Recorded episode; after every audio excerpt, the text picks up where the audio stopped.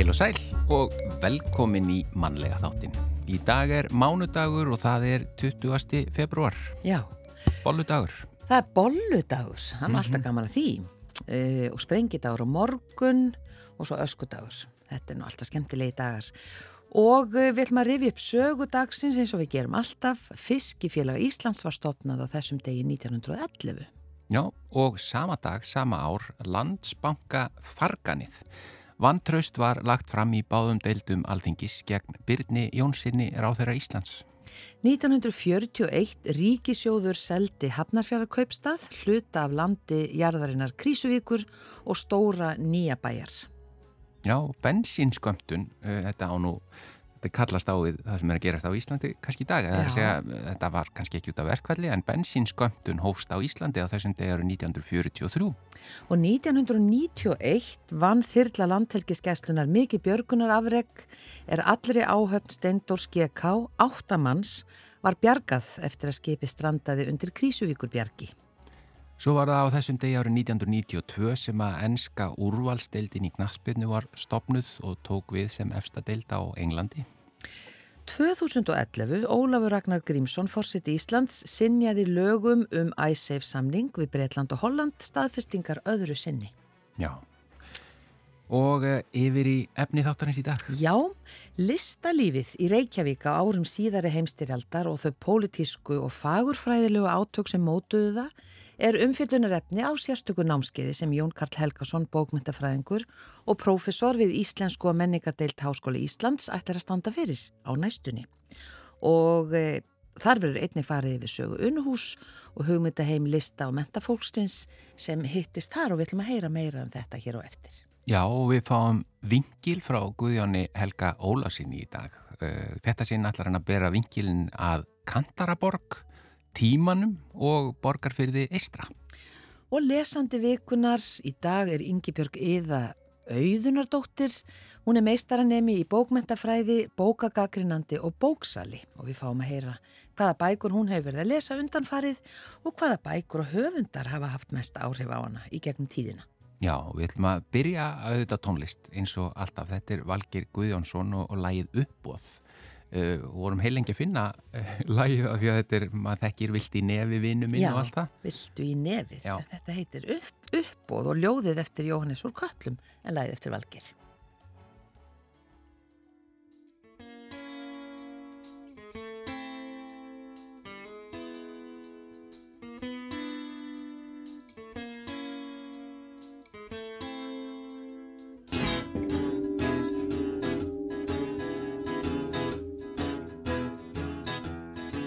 Hér er stríð og hér er mæða.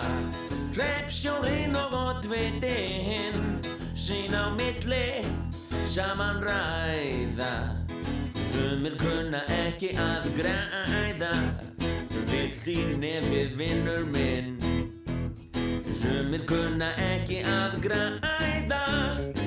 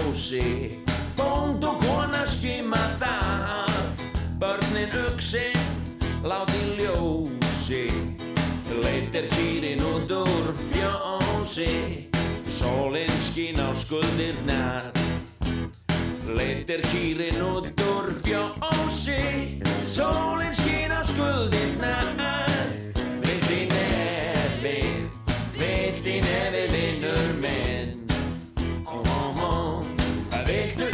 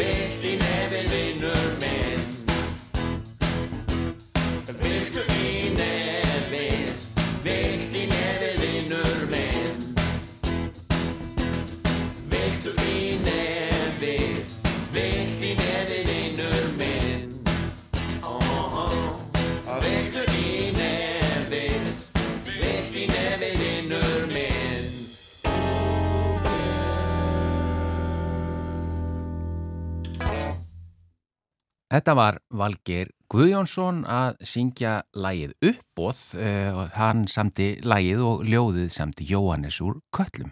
Já, á fyrstu áratugum 20. aldar var heimili Unu Gísladóttur og sonar hennar Erlendar Guðmundssonar í Reykjavík dýrmætt atkvarf róttækra ungra listamanna, svo nefnt Unu hús og mikilvægi Unu hús fyrir íslenska menningarsögu ógs á árum síðari heimstyrjaldar þegar stjórnmálamæðurinn Jónas Jónsson frá Hriblu beitti sér gegn móternískum áhrifum í íslenskri myndlist og vaksandi bókaútgáfu vinstrimanna.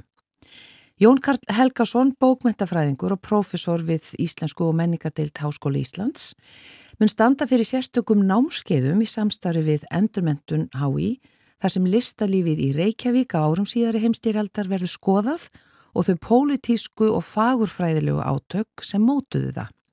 Einni verður farið yfir sögu unuhús og hugmyndaheim lista og mentafólksins sem hittist þar. Velkomin Jón Karl. Takk fyrir. Eh, þessi hópur sem hittist í unuhúsi, Jón Karl Haldur Lagsnes, Ragnar í Smára, Sigurður Nordal, Steit Steinar, Þorvaldur Skúlásson, þau voru í, í farabrotti uh, þeirra sem tóku slægin við Jónas. Hvernig var þessi slagur? Uh, var hann engungu á síðum dagblada eða hvernig byrtist hann og, og hversu valdamikill var Jónas á þessum tíma? Sko á, á þessum tíma er hann svolítið að missa viss pólitísk völd. Hann er, hann er kannski valdamestur frá því senda og þriði áratögnum og, og inn, á, á þann fjórða þá var hann ráþerra og En, en uh, á þessum tíma til dæmis vilja menn ekkit endilega hafa hann í ríkistjórn sko þeir sem er í öðrum flokkum þannig að þó hans er formaður framsnaflokksins þá er hann haldið utan ríkistjórnar en hann hefur mjög mikil ítök í menningamálum alveg fram, fram á 15 áratugin engum í gegnum menningarsjóð sem er svona þetta batteri sem að er að veita styrki til listamanna og er líka í raunin að reka sitt eigið útgáfu félag bóka útgáfu menningarsjóðs Þannig að, og hann er formaðið þingvallanemdar, þannig að svona í menningamálum er hann, er hann ansi valdamikill og svo er hann greinlega svolítið valdamikill bak við tjöldin. Og, og þessi átök þau byrtast sko, mér er svolítið virst að, að svona sama saga sé að endur taka sig í gegnum ólík mál, uh, kannski sko þekktasta málið er í rauninni baratans gegn mótinískri myndlist, menningasjóður er að kaupa listaverk af, af listamönnum og, og Jónas ákveður að sína fyrst í Sölum Alþingis og svo í búðaglöka í miðbænum sko dæmi um verk sem menningasjóður hefur keift en sem hann telur vera svona óþjóðleg og dæmi um einhverja svona klessustefnu og, og, og þennan aðalega móternisma og þetta gerði sko allt vittlust Og, og var til þess að, að fólk svona í listalífinu þjappaði sér mjög mikið saman mm. og, og, og menn fór að berjast í rauninni gegn því að hann hefði þessi völd og ítök og uh, það skrifa svona, svona undirskriftarlisti og Jónas taldi að Sigurd Nordal hefði í rauninni skrifað uh, tekstan í þessu brefi og þetta er mjög markvert því að sko menningasjóður er í rauninni sameilegt svona hugarfústur Nordals og Jónasar á þriði áratögnum. Já og, og þeir það nánir sko að, að annar er guðfæði dóttur hins og svona. En, en þarna í rauninni skilji algjörlega leiðir og, og þeir sem kannski, já það er Sigur Nordal, Haldur Lagsnes og, og Þorvaldur held ég svona sem að svona standa svolítið í fylkingabrjósti og, uh, og svo hefur það sagt, stofna bandal íslenska listamann á þessum tíma og halda listamanna þing og þetta er allt svona hluti af þessum, þessum stórkoslu átökum og, og eru svolítið svona baksið þess sko, og það, það sem er verið að ræðum í unuhúsi á þessum tíma. Já, akkurat og það má ekki gleima tveimur ungum listakonum sem þarna, já, áttu samleið hérna með þessum hópi Nína Tryggvadóttir og Lúísa Mattiasdóttir nýkomnar úr námi frá Kaupmannahöfn og, og París og, og voru á þessum tíma líka tíðir gestir í, í unuhúsi. En ef við kannski e, svo förum yfir í unuhús hvað, já, af hverju verður það svona þessi miðstöð? Uh, já, það á sér langa sögu. Í rauninni Una sem er, er móðir Erlendar sem er, er svona húsand hérna strísárnum að hún er, er að leia út frá sér herbyggi strax sko í byrjun aldarinnar. Og, og Þórbergur Þórðarsson og Stefán frá Kvítadal eru dæmi um svona skáld sem, a, sem eru svona hluti af þeim hópi og, og það er til skemmtilega skrif eftir Þórberg þar sem hann er að bæða segja sínar svona eigin söguraðu sem líka hefur eftir Stefáni að hvernig fólki var og hvernig unna var en, en, en þegar þeir komið sko inn í þennan tíma að það virðist verið að Erlendur hafi verið svona fyrir marga listamenn svona allserja rettari að, við höfum stundum kannski mynda á hann sem svona halv heilugum manni og hann er oft hengtur við organistan í atomstöðinni en, en þetta var maður sko sem bara var einn ein praktiskasti maður og, og Steit Steinar er að fá hann til að flytja fyrir sig gjaldir í milli landa og hann er að sjá til þess að Haldur verði ekki hungur morða eitthvað árið í Evrópu og, og þegar komið inn á 15 áratugin þá er Nína að skrifa er, Erlendi og vera veld fyrir sig hvort hann geti flutt inn bíl frá Ameríku þannig að hann, hann er kannski svona svolítið maður bak við tjöldin en, en er í rauninni svona, svona svolítið rótari í, í, í menningarlífin og ég held sko ég hef nú skrifað heila bókum Ragnar í smára skoða brefa, safnið hans vel. Ég held að Erlendur kenni Ragnar í svolítið þetta hlutverk. Já. Ragnar verður svona sem á ennskur kalla patrón eða svona velgjörðamaður lista, ég finnst að kalla þetta bakhjarl eða bakhjarl og, og Erlendur er svolítið svona e, í þessu hlutverki held ég á undan Ragnari og, og það er engin tilviljun að, að sko, ég, ég enda bæði Stefán frá Kvítadal og, og Haldur Lagsner þeir segja að Erlendur sé svo maður sem þeir eiga mest að þakka. Og Stefán segir að hann hefði aldrei farið að gefa út sko ljóðin sín nema fyrir, fyrir Erlend. Þannig hann er svona eitthvað skonar höpp það er svona útvarsmál, það er svona eitthvað miðja í því sem er að snúast hérna mm. og, og, og Nína og Lúisa þær eru svona svolítið eins og sko nýtt blóð sem kemur inn í þennan hóp þær eru yngri og komið nýjar hugmyndir og það eru ótrúlega fallið bref sem að sko eru millir Nínu og Erlendar og, og hún, hann er svo áhugað samar um þessa nýju myndlist sem að, sem að Jónas hefur svona mikið á móti og, Já, þannig að, að, að það eru er svona alls konar tengingar þarna. Já. og mikill kærleiki. Uh, Steit, Steinar sko, verður mjög náinn bæði Lúisu og, og Nínu og það segir nú í æfisögans að þær hefur stundu verið kallað stelpunar Steins. Og það er nú kæftasögur um að hann hafi verið ástfangin af annari eða báðum og það er ekkert, ekkert svona sem ég hendi þar en, en uh, hann kannski bara uh, hann verið rosalega vinsælt svona mótíf hjá þeim. Það er að mála mannamyndir og það er mála margar myndir af honum og verlendi og ég held að sko hann verði fyrir áhrifum af þeim, hann, hann er að yrkja á þessum tíma tíman og vatnið sem er svolítið bara eins og svona tilrönd til að, að mála svona nútímali málverk í orðum. Já. þannig að það er svona kemur inn í þennan humdaheim en, en svo er annað sem að sko kannski líka draga fólki sundur að, að Jónas þjappar þessum hóp saman en þegar það er komið inn í stríðsárin að, að þá eru Sigur Nordal og Ragnar sem eru sko ennþá eldri að, að þeir eru svona svolítið að, að kólna í eða Ragnar að kólna í svona trúsinn á kommunismann sem hann hefur á tímanbili mm. Og, og samt eru öll þessi róttækusskald að fara að gefa út hjá honum hjá nýju forlægi sem heitir Helgafell. Og, uh, og Sigurður sko, já, hann kannski litið á hann sem svona borgarlegur fræðmaður en hann er í stjórnmáls og menningar og mjög áhrifaríkur þar. En, en hérna En svo sér maður þeir bríðum Sigurðar og, og Ragnars að þeir hafa nú báðið til dæmis svolítið fyrirvar á persónleika þessa mann sem heitir Haldur Lagsnes Akkurat. þó þau séum leið að berjast fyrir því að veri Nobel-söfund þannig, þannig að það er ofsalega margt í gangi Já, akkurat. Eh, annað sem ættir að koma, eh, við hefum náttúrulega ekki tíma til þess að fara yfir þetta allt saman, þetta er, þetta er hérna, svo mikið efni, en eh, þessi barnabók sem er svo ótrúlega merkileg, sem kemur ekki út fyrir árið 2000, Já, þe- þetta er í rauninni tvær er tvær, Já, tvær já, já. bækur það er tindadatandi sem að Steinn og, og Nína gera saman Mm, sem að ég held að Ragnar gefi út það við svo kemur út undir forlagsnatni sem að er svolítið dölaföld sem heitir Tindadatnir og, og hún er bara að segja sögu setni heimstyrjaldar svolítið merkild að skrifa batnabók þar sem að Hitler og Stalin eru aðalpersonur og frábæra myndir eftir nínu, Já. mjög skoplegar myndir. Einmitt, mjög fallegar. það sem er merkilegast við hana er að hún kemur út 43 og hún spáir fyrir um dauða Hitlers með tveggjara fyrirvara hann springur í loft upp í lókbókar Mm. en hinn bókin Halla, hún er ekkit síður áhugaverð. Hún hlýtur að hafa verið í vinslu á sama tíma. Uh, Lúisa fer til bandarækina 42 og Nína 43 sko þannig að þessar bækur eru að mótast á þeim tíma. Og það er, er, er allt öðruvís saga ekki pólitísk, saga lítli stelpu sem býr hjá afa sínum líklega í Reykjavík. Um, eða allavega í ykkur þorpu og fyrir sveit og, og saknar afa síns og kemur til hans aftur. En, en þessi bók, hún kemur ekki út fyrir en rétt eftir aldamót eða um aldamót.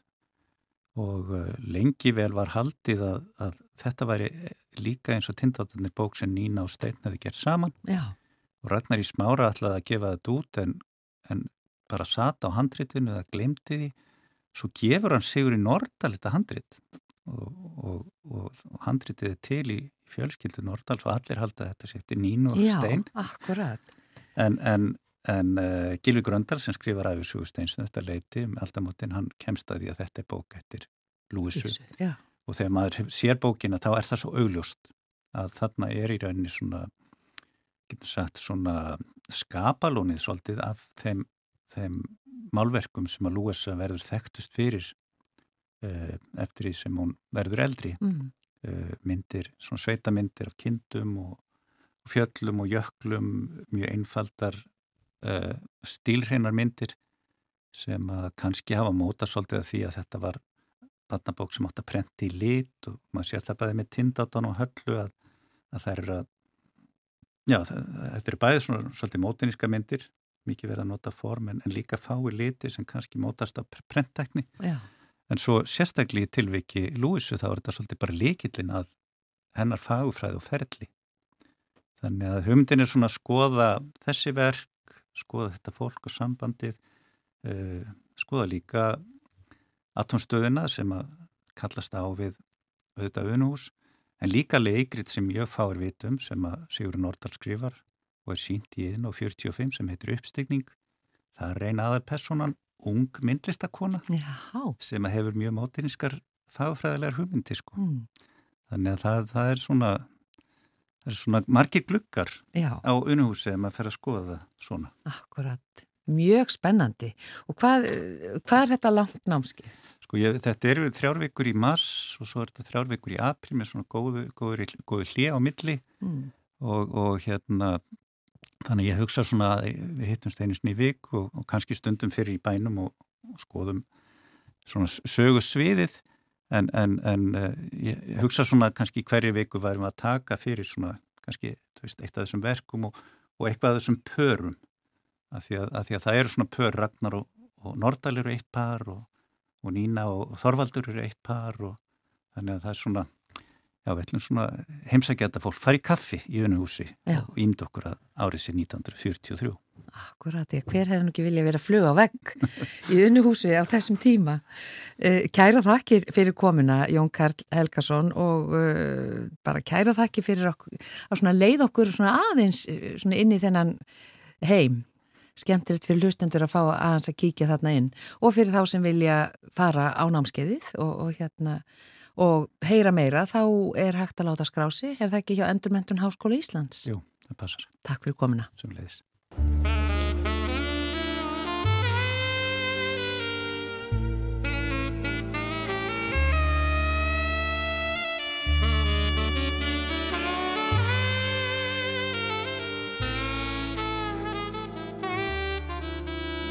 Í skóla vörðu hostið hátt hugurinn skoppar núna. Þar var áður kveðið kátt og kalsað margt um trúna. Þar var herdís, það var smútt, þar skein sól í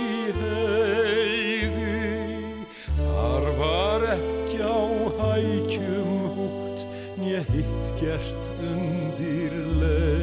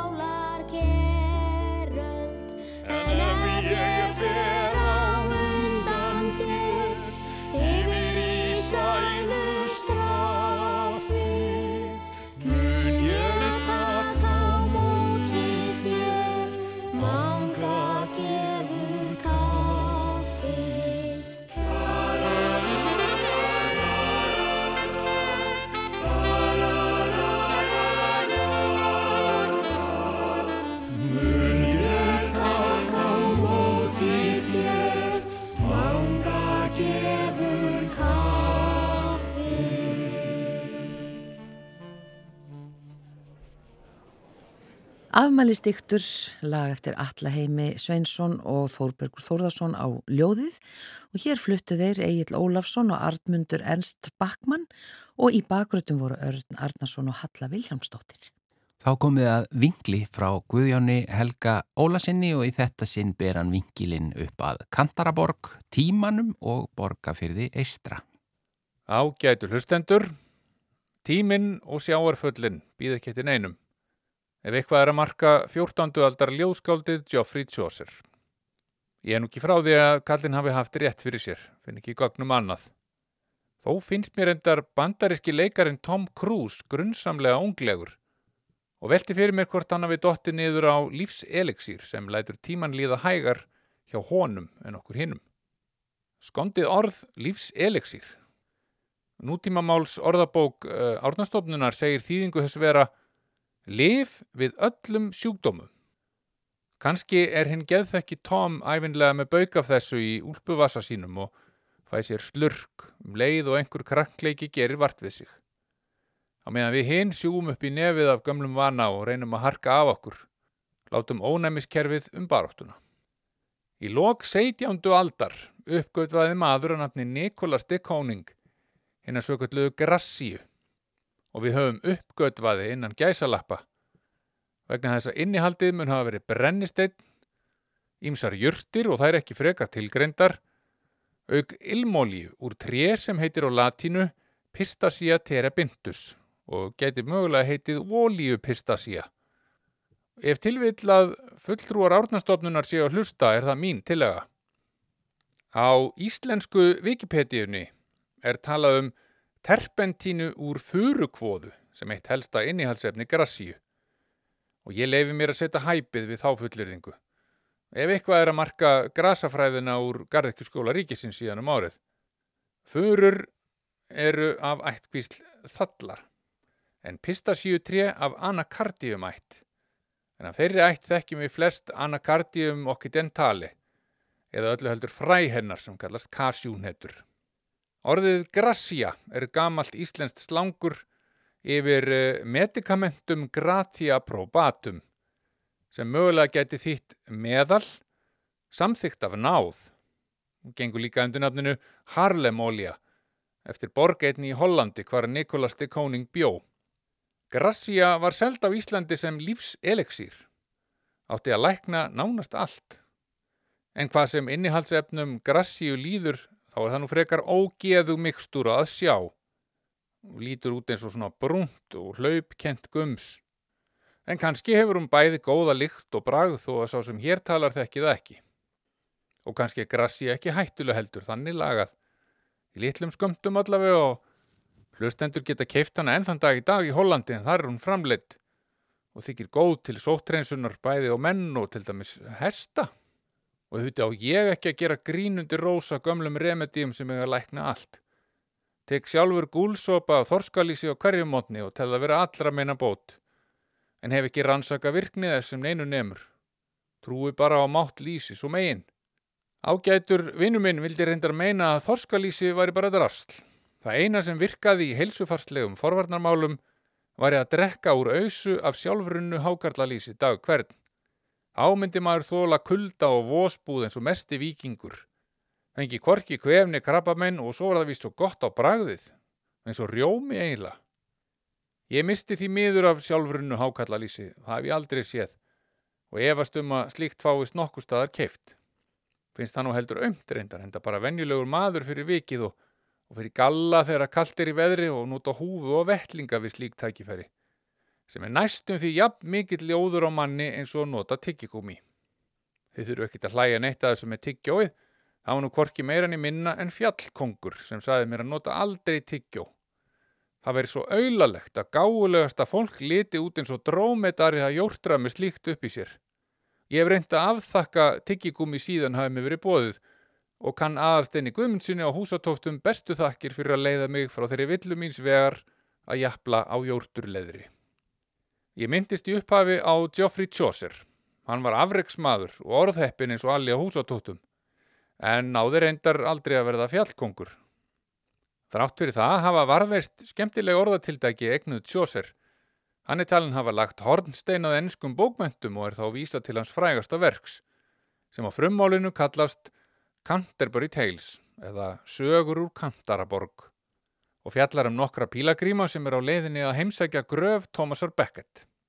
Sá var fættur 230 árum fyrir en Chaucer og þjónaði meðal annars sem erkibiskup af tíðri Kantaraborg en var myrtur og útnemdur dýrlingur og píslarvottur. En hvað um það? Pílagrimarnir ákváðu að heimsækja öllstofu áður en lagtir af stað í píslargönguna. Har var glatt á hjalla og vertin á staðnum sniðugur náengi sem vildi að þeir keftust við að segja hverjir öðrum sögur á leiðinni og myndi sá sem kemur með þá bestu þykja mikið parti af hinum á þeirri sömu kráa sjálfsögðu. Mér finnst nú svolítið gaman að stauta mig fram úr upprunalega tekstanum og hveti ykkur til að pröfa líka. Þið finnir Canterbury Tales á netinu og kosti ekki neitt.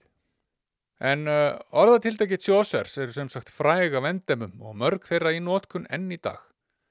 Eins og þetta með tíman og sjáarföllin sem ég nefndi í byrjun og það hljómi nú betur og einskur endar. Til gamans má rifja upp orðatildaginn Ástin er blind, hann var ferskur eins og morgun í mæ, ekkert þráum við meira en það sem þið hafið bannað okkur, allt þið góða mun enda að lokum, í hálfkæringi leynist margt sannleikskortnið, best er að hamra meðan járnið er heitt og að síðustu, margt smátt gerir eitt stórt. Tíminn býður vist ekki eftir neinum, ekki frekar en flóð og fjara eins og tjósur gamli sagði. Ég hef með gamalt vasa úr hérna á skrippborðinu og get stilt það eins og mér sýnist en tíminn líður samt og býður ekki til mér, frekar en öðrum.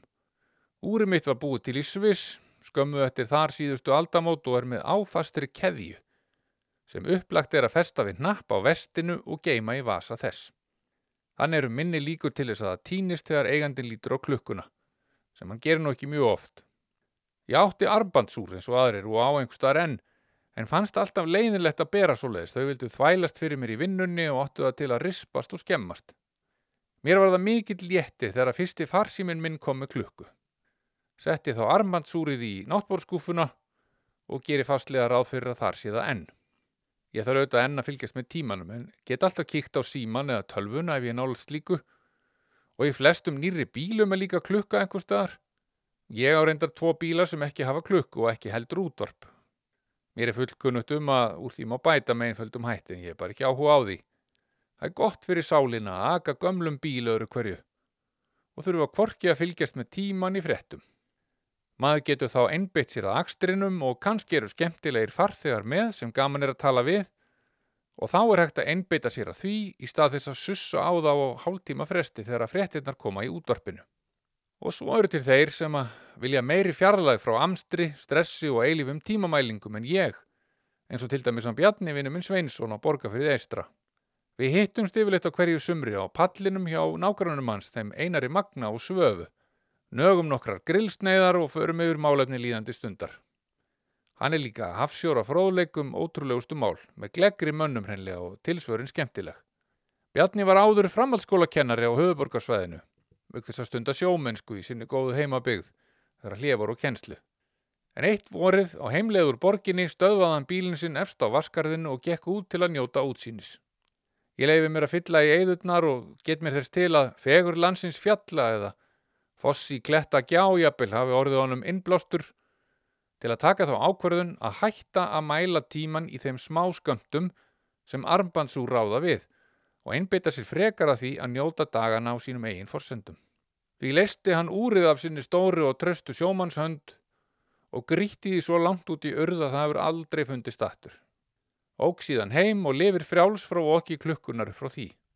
En ég ætla að byggja ykkur þess lengstra orða að fara nú ekki að henda úrunum ykkar út um allt upp á vaskarði. Geti bara gert það heima hjá okkur og fengi sömu niðurstöðu. Vonandi fer ég rétt með söguna. En ef ekki þá verðum við bara að fara yfir þetta aftur næsta sumar. Á borgarferðið eistra er nefnilega gott að eiga skjól og allt hvarf. Maður er endur nærður á líkama og sál eftir nokkra daga þar með sínu besta fólki. Og þó að mér og fleirum þykir notalegt að sleppa því að fylgjast með klukkunni á borgarferði og eiga góða daga, þarf aldrei að hafa áhyggjur á því að tíminn týnist. Hann býður sallarálegur upp í vaskarði í úrinnans bjarna og smiklar sér með okkur á leiðinni tilbaka. Góðar stundir.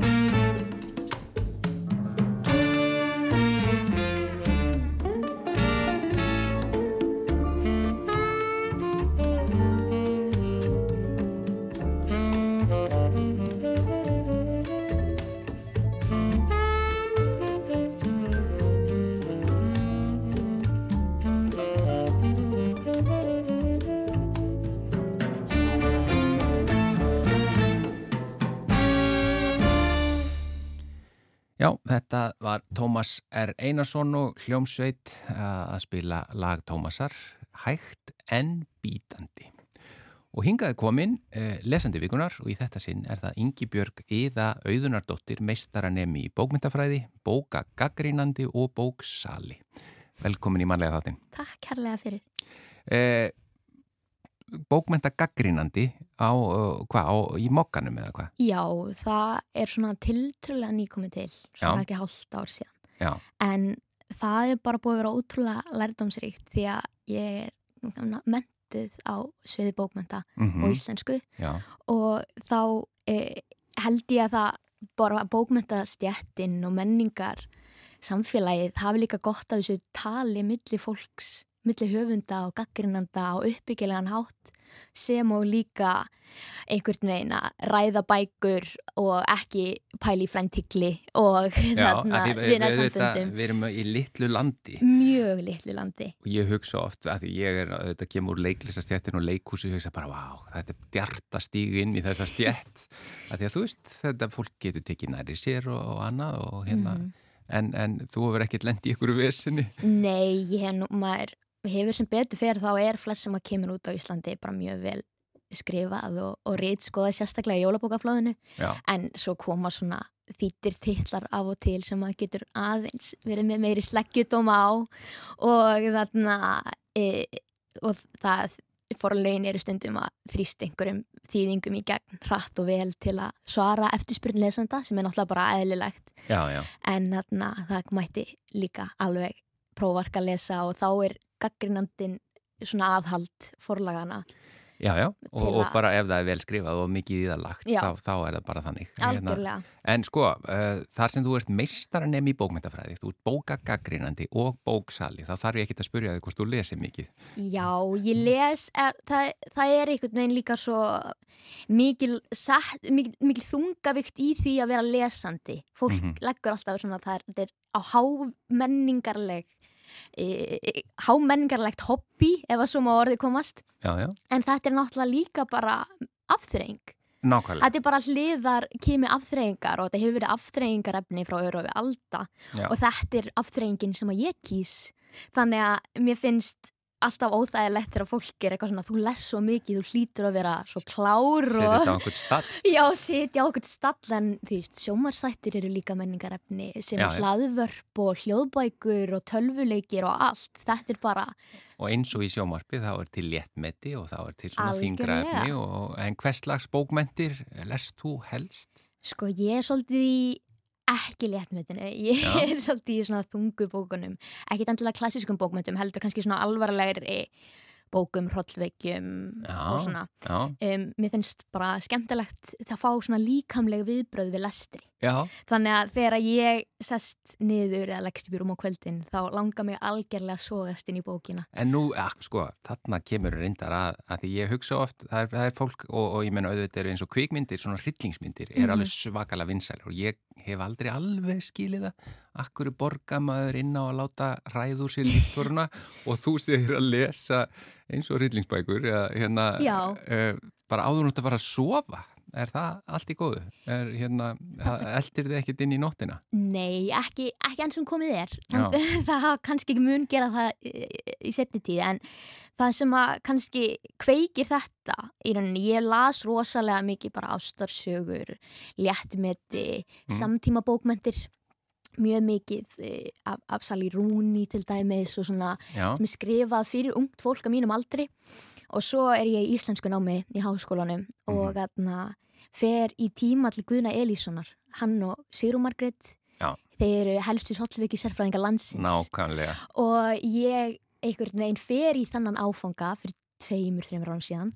Um, að, með það að leiðaljósi að vika sjóndeldarringin því að ég var þekkt fyrir það að horfa sko ekki á hrollveikjur og lesa ekki hrollveikisugur Já, eða já. hrollveikir uh, og hryllingssugur Þau hafa náða að kveikja í þér í þessu. Já, það er náttúrulega líka bara svo gaman að skoða fræðilega, fræðilega ángan á sögum sem að þarna, vekja með okkur óta mm Mhm. hvað vekur með okkur óta hverju sinni uh, hvers slags bækur eru skrifaðar til að vekja óta uh, eins og þegar við skoðum því eins og svo núna kannski er alltaf eins og þættir sem eru því síndir á rúf eða, eða á streymisveitum fjallagjarnan um hryðjuverka ógnir mhm. eða skotárásir eða einhvers konar endalók alheimsins já, faraldur einhver. faraldur, já þú veist það er verið að takast á við alls konar hræðslu mannkynsins og fólk vill sækir í þetta Já, sko, ég bara, fyrst þú segir þetta, Já. ég var bara að horfa í gær á þætti sem að snúa akkurat að því að það kemur svona svakalegu faraldur þar sem að bara meir og minna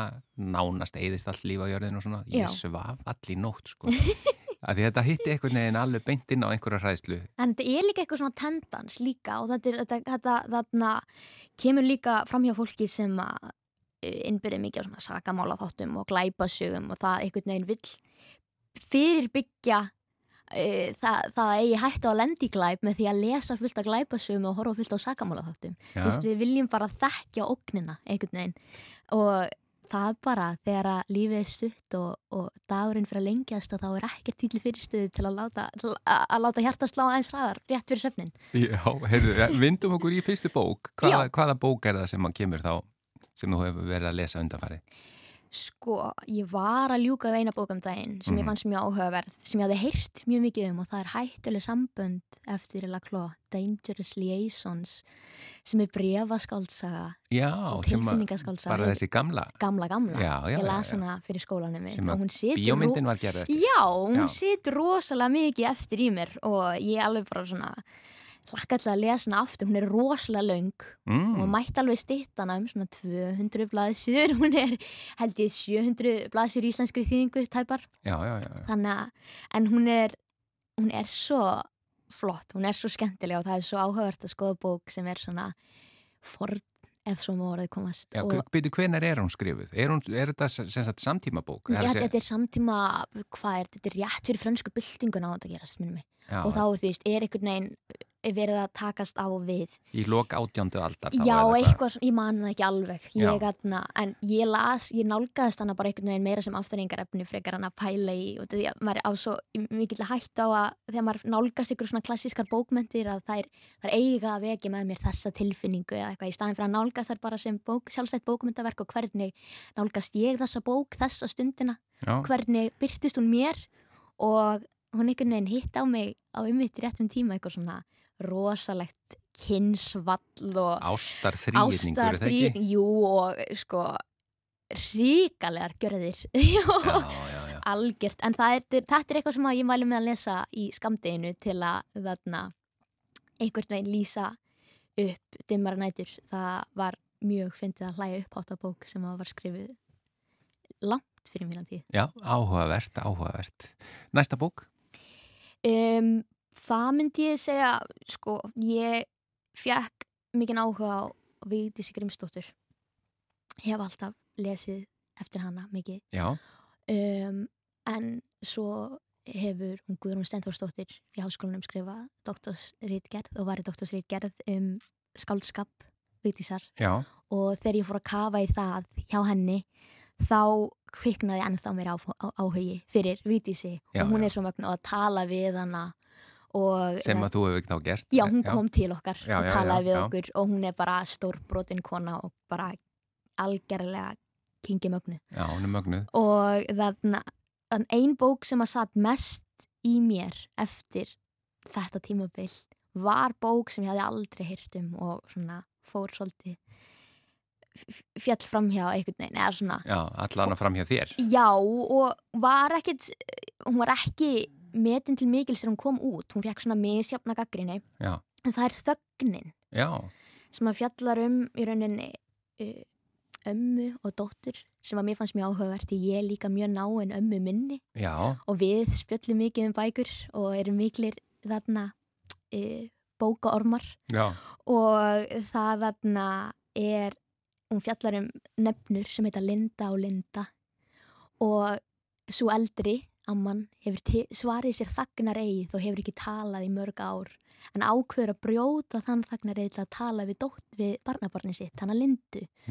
Og hún, og þetta, ég án þess að segja mikið um sögur á bókarinnar að þá er nafnbókarinnar titill mjög kaltæðin þar sem að bókin hverfist að miklu leit um tónlist. Mm. og þá sérstaklega Tchaikovsky og ömmu hans Anastasíu og Já, sambandi þeirra á milli og Linda eldri hefur svona ákveðið að Linda yngri sé einhvers konar þarna séni eins og Tchaikovsky var á sínum tíma og þetta er bara, þetta er rosalega flott bók. Hún er mjög tyrfin, erfitt að komast í gegnum hann á köflum Já, en það kemur hámark í síðustu 50 blaðsjónum kannski sem er alveg þess virði að grafa sig. að. áhugavert. Eh, Þögnin, Vigdi Skrimstóttir. Ein bóki viðbóta áður en við förum aftur í tíman. Sko, skuggabaldur Já, eftir sjón. já, Það er svo bók sem að fólk eh, svona, eh, situr mest í mér kveikt aftur lesra áhuga minn þegar ég var þarna í mentaskóla. mhm, Ég las mikið sem barn en svo þegar ég var í fymta bekk í mentaskóla þá máttu við velja okkur bók til að lesa og ég las auðvitað styrstu bókina eins og sönnu mentaskóla já, nefndum það er sæmir. svolítið, já, þetta er sama trikk og að stækka bara letrið og auka línubilið í Segðu. réttgerðanum. algjörlega og það var skuggabaldur. Og hún er 114 blæsum minnum Já, en þetta er rosaleg bók. Smekkfull, fullar ég hugsa 114 um hana kannski svona einu sinni í viku. Já, hún er svo endisleg og hún, það kemur svona viðsnúningur kúvending eins og ég kýsa að kalla plott fyrst á ennsku já, við þurfum að eitthvað svona gott kjarnist Kúvending er mjög gott orð, sko. já, Já, það var já. mjög sterk kúvending undir lókbókar sem ég Já. hugsa reglulega til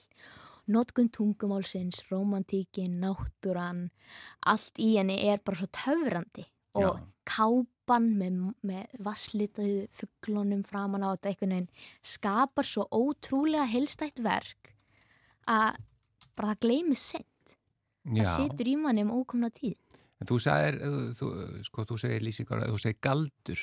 Já. Já, það er svolítið bækunar hans sjón. já, Það er ykkur galdur sem er svona erfitt að setja puttan á, sko. Já, og það er það hann náttúrulega að var að koma út núna um jólin, heldaritsam, sjón í nýju umbroti Já, og það var eflaust efst óskalistra margra með mínu auðvitað líka. já, já. já. En þarna, þetta er náttúrulega bara magnaður höfundur, eitt fremsti höfundur okkar og við erum heppin að njóta skrifans. Þetta er bara, ég, maður bara brosir þegar maður talar um þetta. Þetta er, ég get staðfest það fyrir hlustendur, þú brosir hérna á meðan þú tala um það. Heyrðu áhugavert, en þá er, er hann mögulega, því ég, nú ætla ég að byrja þeim að fara bara aftur í tíman, þú mátt fara eins aftur, langt aftur og þú vilt. Já. E, bækur og eða höfundar sem að svona alveg bara standa upp úr, sem að hafa haft svona alveg sérstaklega mikil áhrif á þig. Hvað kemur við? Er, er þá sjón þar eða?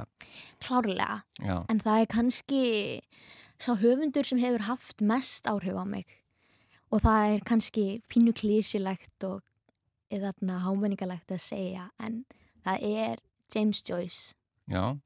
um, og verk hans Ulysses. En ég minna klísulegt, það er, e, það bara, hann, ef hann hefur snertið svona mikið, þá er það bara þannig. Já, það er náttúrulega, það er satt og rétt, en þarna, e, það var nú bara þannig að eins og einhvern veginn með alla bækur sem að leggur rosalega mikið í að lesa, þær Mhm. sitja mest eftir í manni og þetta er svona höfuverk sem að hefur verið þýtt á íslensku og þarna er ófáanlegt á íslensku, ég er bara auðvitaðist eintak í, fyrir þremu vikum síðan eða eitthvað. Það verður Og- bara eins og gullmóli. Já, ég alveg bara, hápunktur ársins er hann að 20. janúar eitthvað. En þarna, uh, ég, Ástráður Eisteinsson, uh, var með, með þætti hérna á Ráseitt um Ulysses, Odyssey á íslensku Já, og Eðilandið, þannig að Órópuls 1922, þessum er að fjalla um þessi verk sem að urðu 100 ára á síðust ári já, og bara það að skilja 5%, 10%, 20% af Ulysses af þessum hverstagsleika sem er samt svo merkingaþrungin og kingimagnaður það breytir manni sem lesanda því að hann er allstaðar já, Um leið- Ódiseifs kviða, eða ekki? Nei, Ódysseifur. Jú- Já, já, já, já, auðvitað, er- auðvitað. Ódysseus kviða er Homer Já, auðvitað, og auðvitað. þarna Ódysseifur er þýðing Sigurðar á Magnússonar á Já, þetta já. alltaf sækir nafni sitt í Ódísefskviðu vissulega.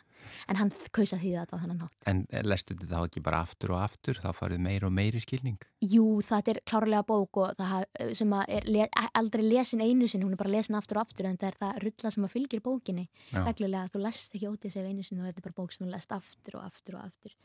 En, en það hafi verið skrifaðar bækur skýringar tekstar við bókina sem eru þreföld bókin Já, já. að lengt þarna. En þetta er eitthvað sem að klárlega mótar mann sem lesenda að út af því að það er svo mikill metnaður hjá höfundum að skilja eitthvað svona höfuverk sem að þykir flókið Já. og þannig að um leið og þeir öðlast ykkur skilning á því þá vilja þeir nýta það áfram Mhm. þannig að þeir fela það í tekstunum sínum þannig að ef að þú nærðað einhvern veginn pota fingrunum inn og öðlast einhvern smá skilning á því verki þá opnar þau svo stóran heim og af menningar, af textatengslum og tilvísunum hinga og þangað um kvippin og kvappin sem annars hef, þú hefði skautað framhjá og þetta er þetta er náttúrulega rosalegt verk og ég mæli með að hafa hliðarteksta og skýringarmyndbönd og allt þetta við höndina en Áhugavert. Ég, þú ert búin að kveiki mér allana, ég þarf að